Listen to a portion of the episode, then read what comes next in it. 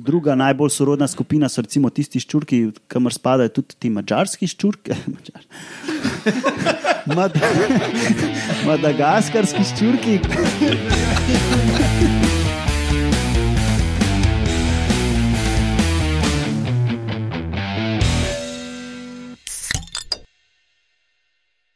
Lepo zdrav, poslušate 39. oddajo Metamorfoza. Metamorfoza je podcast o biologiji organizmov, ki gostuje na metini listi, metinilista.si.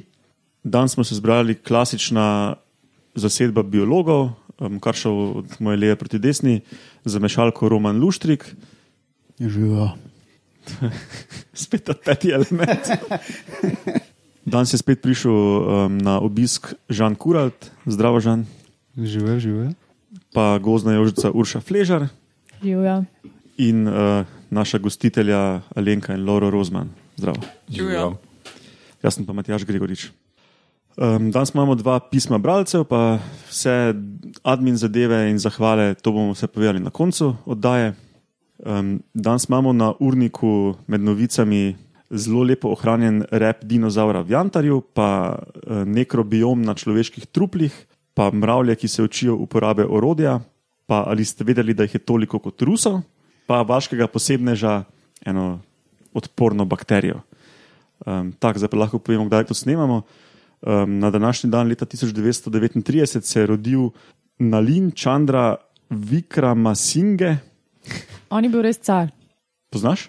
Ne, sam pa ima dobro ime, tako da zihar je bil car. Uh, to je na Šrilanki rojen britanski matematik, astronom in astrobiolog, um, ki je znan po tem, da je skupaj z Fredom Hoylom sta postavila tisto, tisto znano hipotezo uh, panspermija, pač o tem, kako je življenje prišlo na Zemljo. Se pravi, pač ta hipoteza je, je o tem, da um, se pač življenje širi po vesolju z, kako se temu reče, Pa spermiji. Recimo meteoriti. pa tako naprej. meteoriti, asteroidi, planetoidi. Z nekimi temi, kako se bi temu reklo, skupno besedo, Vesolskimi delci. da. vesolskimi delci, ki so, ki so večinoma veliki. Ampak, Zvezdni prah. tako, A to je cela panoga astrobiologija. Vida. Astrobiologija je načeloma, eh, ti ljudje probajo pogruntati, kakšno bi lahko bilo življenje, ali pa kakšnih vseh oblik bi, bi lahko pričakovali življenje na drugih planetih. Tardigrade. No, drugače, mimo grede, ta um, hipoteza ni preveč priljubljena med biologi um, iz večjih razlogov, mogoče ni zdaj čas za to. Um, sta pa ta dva tudi še precej bolj kontroverzne ideje imela, recimo to, da so uh, kakšne virusne pandemije, da se pojavijo takrat, ko pač ti virusi padejo z um, temi nebesnimi telesi na Zemljo, ne? kar pač ni res. Ne? ja. Uh, no, ok, ker je metamorfoza pogovor o pivu in ker je pivo odprto, najboljše, da kar začnemo. Ne?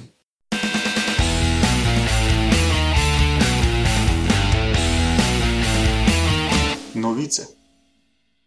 Ok, začnimo z repom dinozaurov iz Jantarja.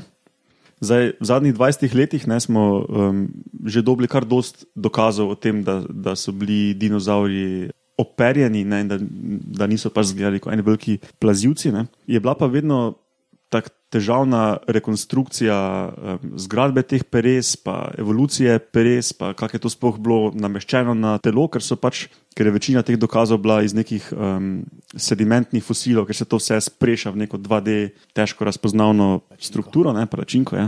Um, no, zdaj so pa našli en 99 milijonov let star fosil iz Mjanmara, ki so ga sicer dobili na eni tržnici, ker, ja, ker to je bilo iz, iz enega privatnega področja, kjer pač uh, te fosile iz Jantarja pridobivajo in jih predelajo v, v nek nakit in jih pač potem prodajajo na tržnicah. No, in za, te, za tega so mislili, da je pač to nek košček um, neke rastline. Ti raziskovalci, ki pa redno brskajo po teh tržnicah, so pa pač videli, da je to nekaj druga in da, bi, da je to potencialno zanimivo, in se izkaže, da je bil res dinozaurov rep, ne, ampak od enega zelo malega dinozavrčka uh, v velikosti vrabca. A pa to mladič ali To, sem- to pa ne vem, tudi po mojem, oni ne vejo iz tega koščka repa, kaj je to točno bilo. Čeprav neka skupina je bila napisana, no, v, v katero skupino verjetno spada ta dinozaver. A je a je to pol do zdaj najmanjši odkrit uh, fosil dinozaura, oziroma pač po velikosti? Tudi to ne vem. O- Operjen zihar. Ja. No, in ta rep je tako lepo 3D ohranjen, uh, verjetno od živega ali pa zelo pred kratkim umrlega dinozaura, ne, in so vse strukture lepo vidne, v tem jantarju 3D pa to. No, in to zgleda tako, da je to perje bilo v dveh vrstah po hrbtni strani repa in v dveh vrstah pač po vsakem boku, ne, po, po spodnji strani zelo malo. Pol pa je pač bilo znanstvenikom zelo zanimivo, ker so lahko gledali um, strukture, ki se jih drugače slabo vidi v nekih sedimentnih fosilih. To pomeni, ali um, lepo so lahko merili razne strukture na tem perju, recimo to osrednjo ost, imenovano rahis, to trdo, ne, osrednjo. Tisto, s čimer Ja. se piše, oziroma se Ja, ja, ja, včasih to, ja, to, to. pisalo. Uh, no, to je, to je ali manjkalo, ali pa bilo ful slabo izraženo. Ne? Je bilo pa ful onih kabelcev, ki so, ki so pač neke barbole, kako se temu reče, ne? ki pri današnjih ptičih pač upenjajo nekako perje, da to vse stoji v neki formaciji. Ne? No, in iz vseh teh struktur, ki so jih lahko merili, v detajle pogledali, um, si zdaj lahko dosti pomagajo pri uh, nekakšnem sklepanju, kak je šla evolucija vseh teh struktur perja, um, od teh velikih tetrapodov, dinozavrov do današnjih ptičev. Ne. A pa so ptiči sorodniki dinozavrov. Ptiči so dinozavri. Niso vsi dinozavri ptiči, vsi ptiči so, so pa dinozavri. A ja, pa ne, če sem povedal, ta dinozaver je bil neleteč. To ni bil nek, um, nek um, star prednik, leteč prednik ptičev. ne. Eh, In tudi to perje je tako zelo puhasto. Tako da bi, če zelo dobro pogledaš, to perje zgleda kot ene male praproti, ne, ki, so, ki, so nam, ki so nameščene gor. da Zdaj čakamo, da bojo v enem volčjem potoku, ko imajo ta dinozaver park, pa tam na bledo ga imajo, ne, da bojo ti izgledali kot eni piščančki, pač ne skljunam, ampak kot eni veliki piščančki, ne, puhasti. Vseh velikosti, od vrabčka do Tako. T-Rexa. Ej, še nekaj sem mislila, razmišljam, kako se je pač sicer v velikosti vrabčka mali dinozavrček ujel v jantar. Ne, kako se to Smolo je zdi? imel. Evo, odgovor, Urša. Ja, jaz sem tuhtal to, ker je imela sodelovka za govor doktorata, pa so dobili neke postranice vodne v jantarju. Kako to pride res noter, ne vem, ampak Zgleda so včasih te rastline ful več smole izločale, kot kar zdaj. Vse lahko pa, da je bilo drevo na tleh, pa se je smolil, pa je ta not nek plezal. Pa se je Pa ja, pa od, od nekje padel v to. No, ok, pa nadaljujemo z nekrobiomom. Zdaj, um, osrednja, To je, osrednja, vloga, osrednja vloga te novice je mikrobiom na koži človeka. Mikrobiom, mikrobiom? mikrobiom je pač skupek vseh mikroorganizmov, ki živijo v in na nas. To je tako malo antropocentrična novica, ampak se mi je zdela zanimiva, kljub temu, da tega običajno ne dajem v podcast, ker je pač forenzično zanimivo preučevati tudi mikrobiom na truplih. No, in so um, gledali v tako imenovani body farm, ne, ki, jo, ki jih očitno imajo v Ameriki, kar pomeni, da imajo um, nek, nek ograjen gost, kjer lahko ti proučuješ razpadajoča človeška trupla. Kje to dobijo, ne vem. Ne? Zakaj pa gost, za ne, zakaj pa nekaj še drug habitat? No, mogoče imajo tudi kaj drugega, ampak pač to je body farm, da imaš ti zunaj nekje eh, naravni elementi živali, bla, bla, bla, ne, lahko ti proučuješ. Lahko bi imeli še nekaj smetnjakov, pa mogoče še kakšno tekočo vodo, pa kakšno malo stoječo vodo, tako pač, da ne bi imeli sam gost. Ja, se mogoče imajo, ne vem. Sicer res ne vem, zdaj, ka- kam, kam imajo eh, procentualno najbolj domišljijo metati trupla. Zalito v cementu na, kot baza ene stavbe. Ne? pa pristanišče, pa No, te, te No. pogoste zadeve. Ne. In pač so eh, jih je zanimalo, če lahko ti uporabiš informacije o človeškem mikrobiomu, se pravi o bakterijah, glivah, ki živijo na nas, kot, nek forenzično, kot neko forenzično orodje v napovedovanju časa smrti človeka. No, in ko človek umre, seveda ta mikrobiom, ki živi z nami v simbiozi, propade, ne? njihov ekosistem se je porušil in pride do full upada biodiverzitete na tem truplu. Ne? Eh, Po par dneh pa začne ta diverziteta rast z temi novimi mikrobi, ki so specializirani na trupla in temu skupku mikrobov rečejo pač nekrobiom. No, in to so študirali na 21, kot so rekli, človeških kadavrih, ne truplih. Ne. In so jemali mikrobiom kože, nosu in ušesa No, in so to jemali skozi do tednov, do, do stopnje, ko je bilo truplo toliko razkrojeno, da več nisi mogel najti nosa in ušesa, da bi vzel vzorec. Uh, no, potem so pa se lotili strojnega učenja ne, in so pač um, te podatke, um, pa so, so, so neke algoritme naučili, ne, da, da probajo napovedati uh, čas smrti, in izkaže se, da lahko na plus minus dva vroča poletna dneva natančno napo, napoveš prek več tednov um, smrt nekega človeka s pomočjo študije tega nekrobioma. Ne.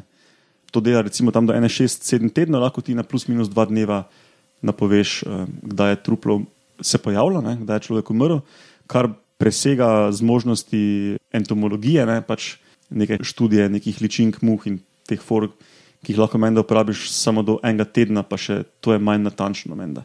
Pa pa dobiš utopljence.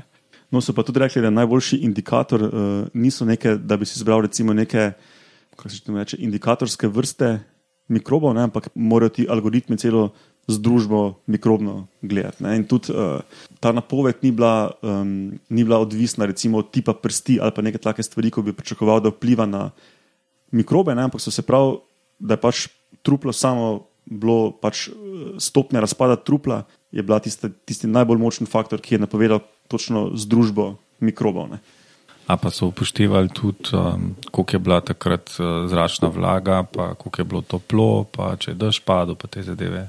Ja, teh prvih sedem tednov je bilo poletje, zato so rekli plus minus dva poletna dneva. Zdaj, če bi to bilo po zimi, bi, ne vem, bi mogoče celo bolj natančno bilo. Ne?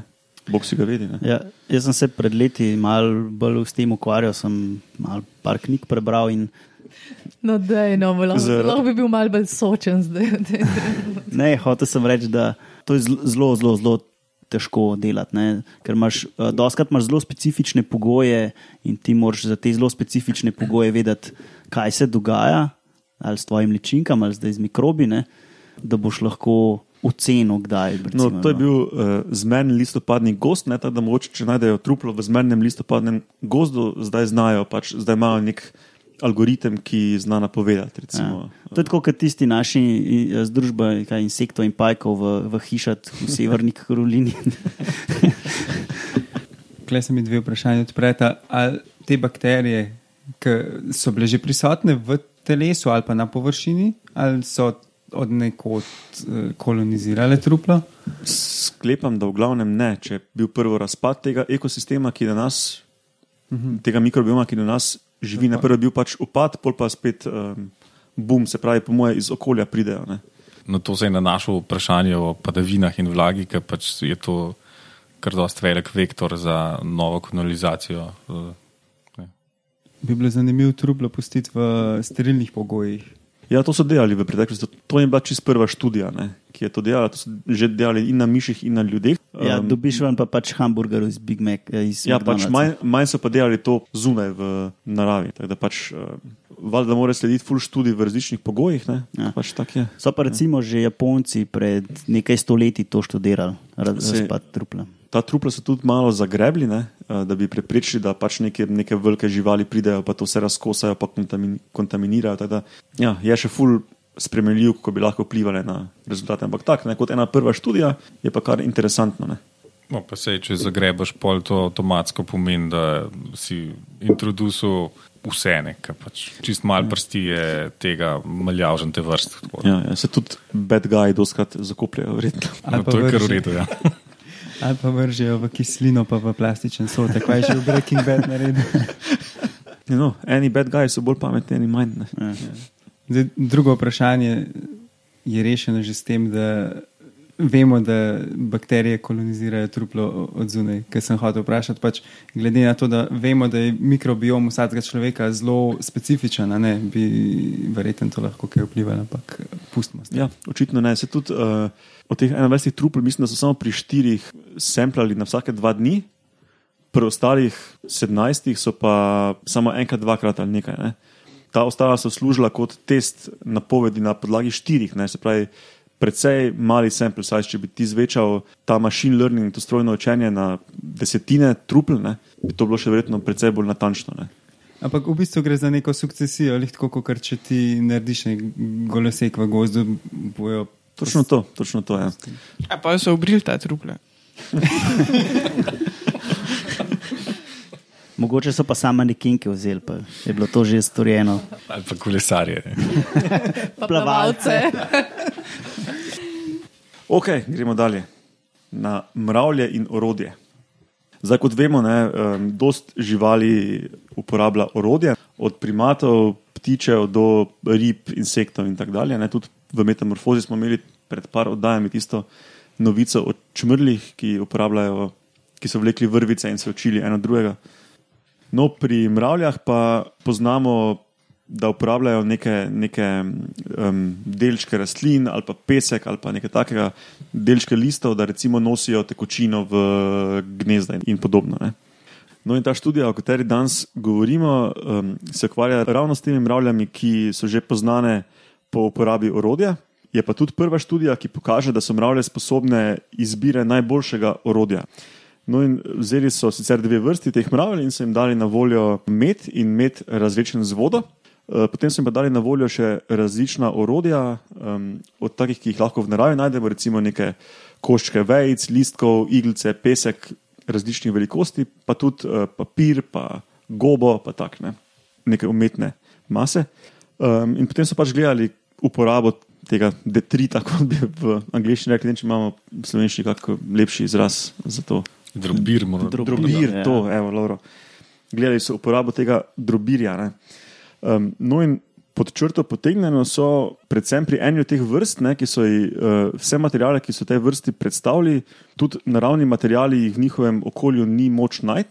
In so te mravlje začele uporabljati uh, vse te materijale enakomerno. Ne. Potem so pa skozi uporabo v bistvu pogruntale, da je papir in goba fulbol pija ta med in razrečen med, in da tudi je različno enostavno uporabljati te koščke, ne, in so začele preferirati papir in gobo, pa kosati so začele te materijale v ravno prav velike koščke. Ne. Tako da so potem se v bistvu naučile, da, je, da sta papir in goba tista, ki najbolj upijata in sta najbolj učinkovita. Ne. Pa tudi um, naprave koste so jih razkosale, da, da je pač uh, prenos bil čim hitrejši. Ne. Tako da ene mravlje z zelo majhnimi Brez možganov. vo, vozli živčnimi, ja, um, so sposobne v bistvu um, te neke vedenske variabilnosti, plastičnosti, da uh, se pravi, vedenje ni fiksirano, ampak je uporaba orodja plastična. Ne, Uporabljajo urodje in še sposobne so učenja. ja, ja. A pa kaj veš, a so se učile eno od druge, ali je bilo to tako vsaka po svoje malo? Mislim, da kot skupina so se pač, pa je potem bilo, ne vem, zdaj si nisem številk zapomnil, ampak recimo 80 postov jih je preferiralo to, pa to, pa to. Recimo, tak, ne. Mislim, to za ne vem, če so se opazovali, pa to je tudi možno, konc konca, ampak niso pa, Niso pa testirali tega. Testirali, ja, to je verjetno drug. Korak. So pa izpostavili, da pač je pri izbiri orodja bilo pomembno, ali material poznajo ali ne, ne? ker pri oni ta drugi vrsti pa, so pa naravni material že poznale mravlje ne, in so ga začeli takoj bolj uporabljati, in je potem bistveno pozneje prišlo do favoriziranja teh umetnih, ki ga niso poznale. Ne. Spravi, to je bilo pomembno, pa um, kako dobro je upijalo uh, ta med, oziroma vodo z medom, pa kako lahki je bil material. Ja, pa kako dobro se ga da manipulirati, ja, spremenjati na male koščke. in tak, ne. Pač so izpostavili kot verjetno pomembne lastnosti materijala za te mravlje. Vse je logično. Ne. Um, no, drugače pa so še pa to omenili, da te mravlje so izjema med mravljami, menda, da nimajo želodca, ki bi se uh, raztezal. Ne. Očitno mravlje, ko pijejo, se jim ful razteza želodec in lahko večjo količino prenesejo, ne. tem pa ne, menda, in da je zato mogoče bil nek selekcijski pritisk, da so malo bolj sposobne uporabe orodja kot kakšne druge mravlje. Ne. Fucking iznajdljive mravlje. Ja. Veš kaj, če kdo nima v tribuhu, ima pamet. To me spominja malo na tiste mravlje, uh, ki se jim reče v angliščini, kot že honeypot ants ali nekaj tasga, ki v bistvu nosijo med ali medicino ali nekaj tasga v, v mravlišče, pa imajo pa tam ene osebke, ki to pijajo in v zadku s to uh, kopičijo in imajo dejansko take blazno napihnjene zadke in delujejo kot rezervoar uh, tega. Niso to tudi oni, ko jih uh, potem domorodci kopljajo ven? Ja, ja, ja to je to. Kako so pa velike te mravlje? Uf. Ni, mislim, srednje velikosti, če se namotam. No. Ja, mislim, da je, mislim, da je ta, ta medenast zadek tak uh, velikosti frnikole. No. Tako, tako, Ja. ja. da, da, da. To je kar To je ogromno. Ja, ja, to je za mravlje veliko. Ja.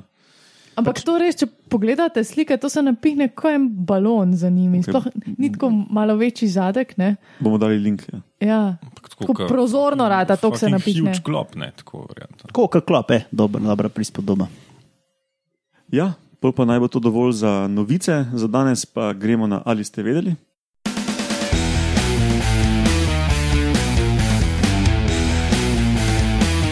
Ali ste vedeli? No, današnja ali ste vedeli, tema izhaja iz um, enega frazema, ki sem ga s pomočjo uh, naše poslušalke Nataše zasledil. In sicer je imel uh, Matej Meterc iz uh, Inštituta za slovenski jezik Frana Ramovša z RCSU za nedelo intervju in je med drugim tudi povedal, da novopečeni reki ali fraze so lahko zelo kratke sape, včasih pa imajo tudi presenetljivo dolg rok trajanja. Nekoč se je reklo, da je koga toliko kot Rusov zaradi neke žuželke z istim imenom. Ko je poznanost tega insekta zvodenela, so jo zamenjali Rusi, ki še danes trajajo kot primer številčnosti, čeprav je Kitajcev skoraj desetkrat več. No, in uh, ti Rusi so dejansko ščurki, in zdaj bo Roman povedal malo več o tem. Ja, ba je, da jih je kot Rusov oziroma kot Švabov. In danes sem izvedel, da se po češko reče ščurku švab. A, Tako da mogoče to sam prevod bil. No, zdaj bi mogoče hipotiziral, da ščurke načeloma poznamo, sicer bolj iz kakšnih filmov, ki pri nas nekih infestacij s temi ščurki, tako kot v filmih ni, ne? ali pa v ZDA, ki imajo dejansko. Ja, Matjaž. Čeprav očitno, če je ta frazem nastal, so bile včasih. Um, Ja.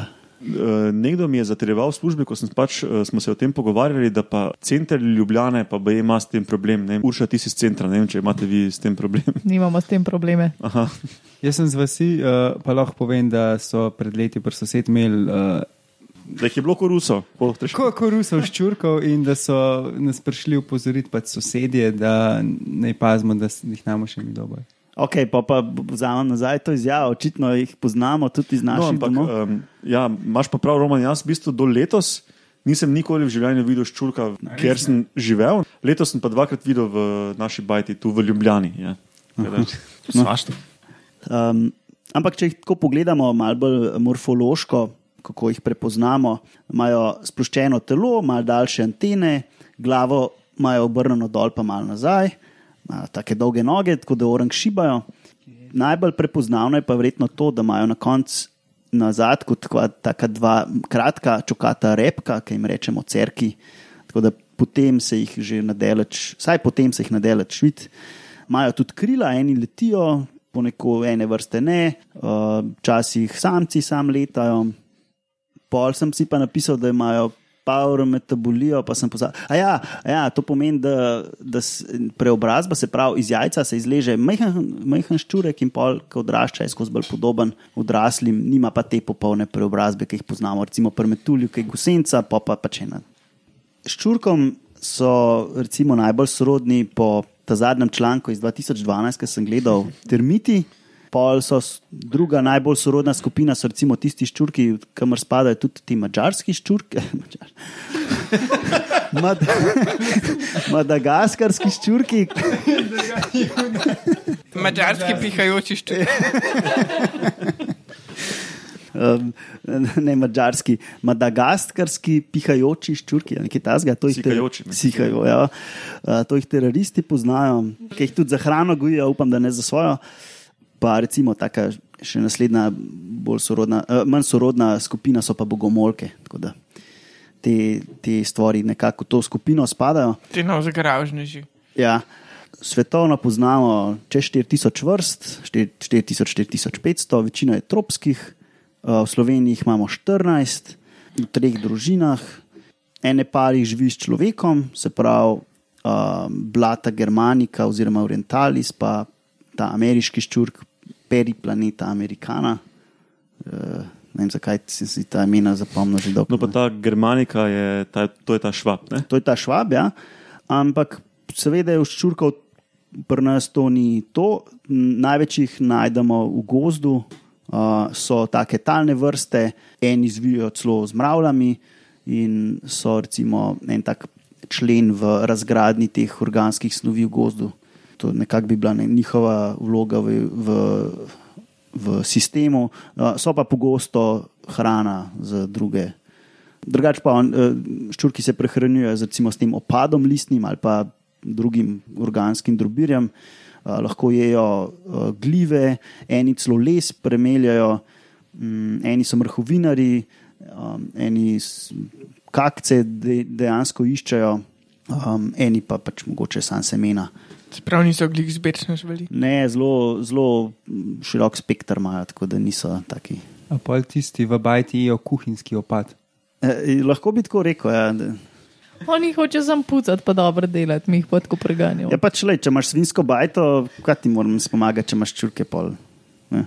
Jaz imam zelo staro hišo, pa pač not tudi mravelj nimam, recimo, pa bi na vrtu jih imam pa več mravlišč. Pa pač vejo, da pri meni ni biznisa in grejo stran. Tako da to je na kratko o teh uh, močeradih, uh, ščurkih. Um, tako da upam pa, da bomo imeli kdaj priložnost, kakšno posebno oddajo samo na to temo. To bi bilo zanimivo. Ja.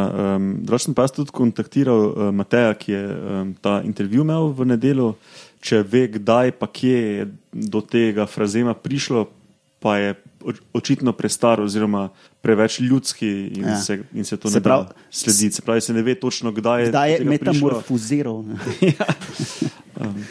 A nismo zdaj do švabov prišli? No, švabi ali rusi, sej to je se, zelo podobno, se Ja, uporablja. tudi nisem uspel zvohati, kdaj se jim je in zakaj se jim je reklo, ali kje v Sloveniji Rus ali Švab ali kak, ampak Ja. Lahko pa da je to iz kakšne stuje, uh, stujga, stuje fraze prišlo, pa je bilo prevedeno ja, to samo. je možno. Viš, to je Pa, možno. pač, Ja, v češčini uh, je domači ščurek, rus, domači. No, drugače sem tudi imel idejo, da bi probal pogruntati, eh, če so mogoče ti švabi, ti nemški ščurki, tako najbolj invazivni za bajte, ne? Eh, čeprav niso edini, ki se v bajtah pojavljajo. Ne? Pa slovenci niti nimamo specialista za ščurke, tako da nisem pač um, prišel daleč v tem mojem iskanju. V glavnem, vse, kar smo tle povedali o morebitnem izvoru te fraze, smo se zmislili. Zgolj samo špekulacije. Vse češčina je slovanski jezik, pa če oni res rečejo ščurku rus, pa dejansko češčina pa slovenščina so si kar sorodni. sem lah, lahko da izvira to že tok prej, kaj je bila Ja, ja, še ja, ja, skupen ja. ja. jezik. ali Spet pa- si se nekaj zmislil. Hipotetiziramo. Bodi tečka. Ok, pa nehajmo nakladati in gremo na vaše posebneže.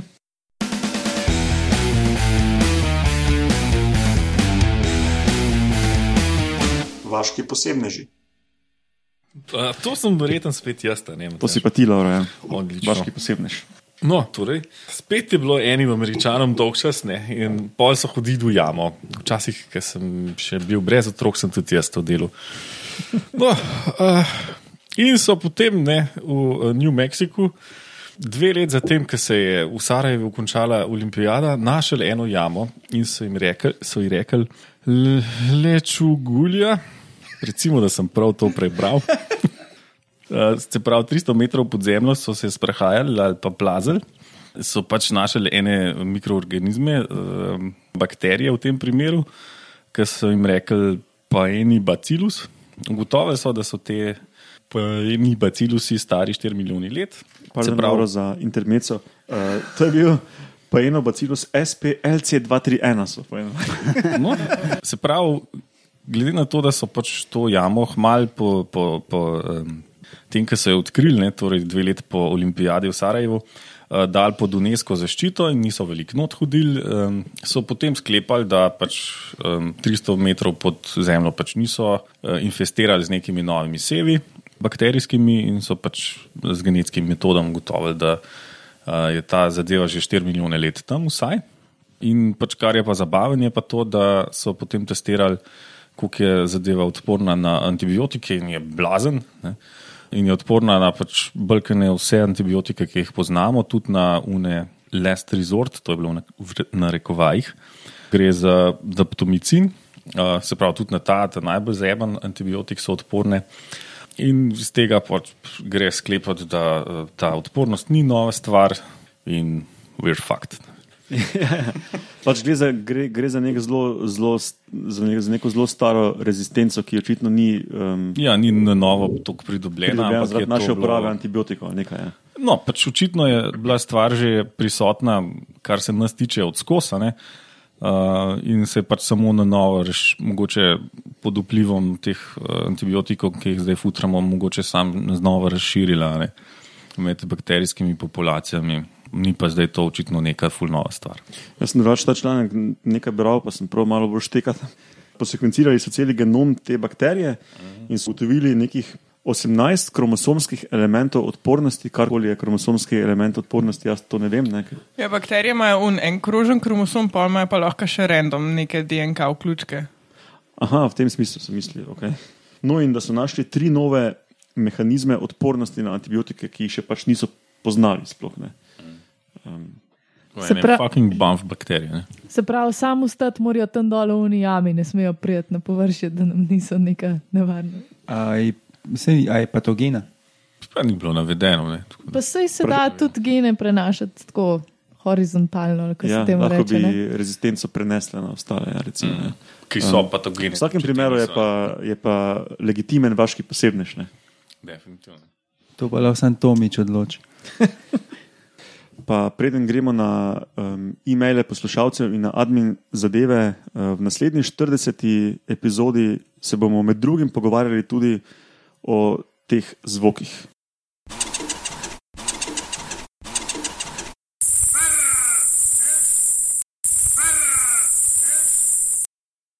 Prvo prvemu se mi zdelo, da hoče en, en un, uh, avtoček na vzmetu zaštartati, ta drugi je bil pa, ja, da je enovce zgana skrb. Mene je prvo na tiča spominjal, ta druga pa na enega modela, ki gonom ga tiča, ki je okoli.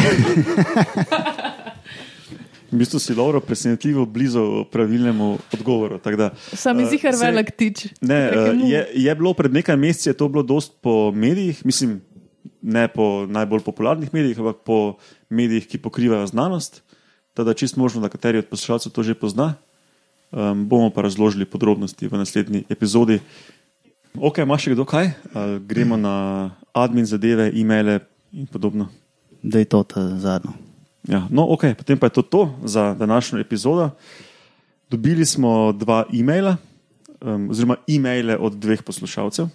Prvi je Marko Hladnik, ki je predavatelj na Univerzi v Utrehtu, pa drugače tudi že večkrat kot gost nastopil v podkastu Glave. Glave, mhm. Ja, ker se pač spozna na. Um, Doktor Marko. Glave.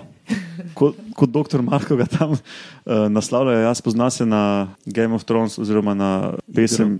Ja, igro prestolov, Ja, ja, ledu, pesem ja. ledu in ognja. kot strokovnega gosta ga tja vabijo. Ja. Um, drugače pa lingvist in je se pač javil po poslušanju prejšnje epizode, ko smo imeli tisti modeliran govor, makako proti modeliranemu govoru ljudi. In je pač rekel, da se je nekako nakazovalo iz našega pogovora, da ne vemo čist dobro, um, kaj je govor, kaj je jezik. Ne.